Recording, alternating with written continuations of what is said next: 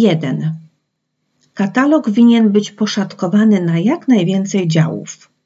Należy z wielką pieczołowitością oddzielić katalog książek od katalogu czasopism, oba zaś od katalogu rzeczowego, jak również książki ostatnio nabyte od tych, które zakupiono dawniej.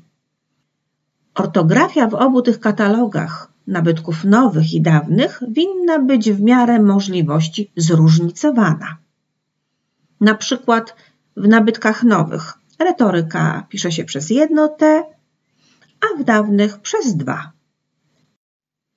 Czajkowski w nabytkach nowych przez trzy, a w dawnych z francuska przez TSH. 2. Tematy ma określać bibliotekarz. Książki nie powinny zawierać w kolofonie wskazówki co do tematu, pod jakim należałoby je zakatalogować. 3.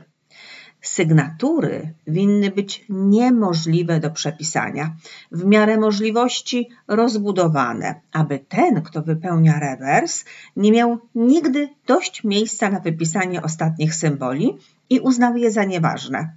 A dzięki temu obsługujący mógł zwrócić rewers z żądaniem uzupełnienia. 4. Czas między zamówieniem a dostarczeniem książki winien być bardzo długi.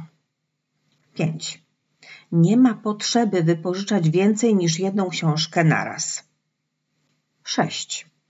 Książki dostarczone przez obsługę dzięki wypisaniu przez czytelnika odpowiedniego rowersu nie mogą być przenoszone do biblioteki podręcznej, tak więc należy oddzielić w swoim życiu dwa fundamentalne aspekty. Jeden dotyczący lektury, drugi sprawdzania. Biblioteka ma zniechęcać do jednoczesnego czytania kilku książek, bo od tego można dostać zeza. 7. Unikać wyposażenia biblioteki w jedną chociażby kopiarkę. Jeśli jednak jakaś się już znajdzie, dostęp do niej ma być pracochłonny i kłopotliwy, cena wyższa niż w mieście, limity bardzo niskie, no co najwyżej dwie-trzy stroniczki. 8. Bibliotekarz winien uważać czytelnika za wroga, nie roba, no w przeciwnym razie byłby bowiem w pracy, za potencjalnego złodzieja. 9. Dział informacji winien być nieosiągalny. 10. Należy zniechęcać do wypożyczania. 11. Wypożyczanie międzybiblioteczne winno być maksymalnie utrudnione, a w każdym razie wymagać całych miesięcy czekania. Najlepiej jednak zadbać o to, żeby zapoznanie się ze stanem posiadania innych bibliotek było niemożliwe. 12. W konsekwencji tego wszystkiego kradzież książek winna być ułatwiona. 13.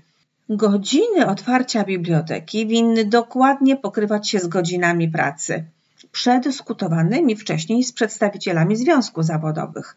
Biblioteka ma być poza tym zaryglowana na cztery spusty w soboty, niedzielę oraz w porze obiadowej. Największym wrogiem biblioteki jest pilny student. Najlepszym przyjacielem Don Ferrante, człowiek, który ma własną bibliotekę.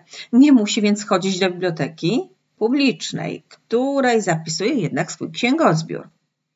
14 winno być całkowicie niemożliwe zjedzenie czegokolwiek w obrębie biblioteki.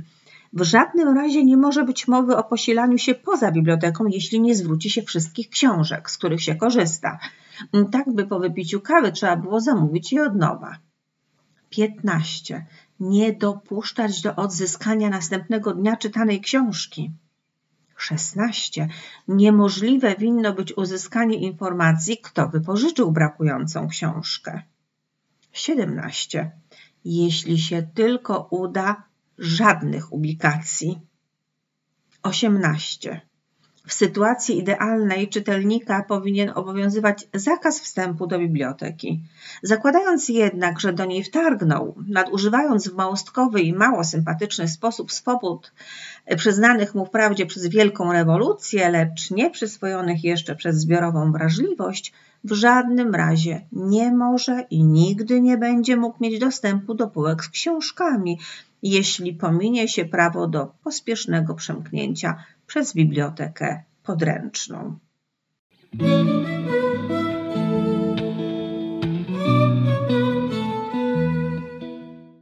Umberto Eco Zapiski na pudełku od zapałek. Rozdział Jak urządzić bibliotekę publiczną.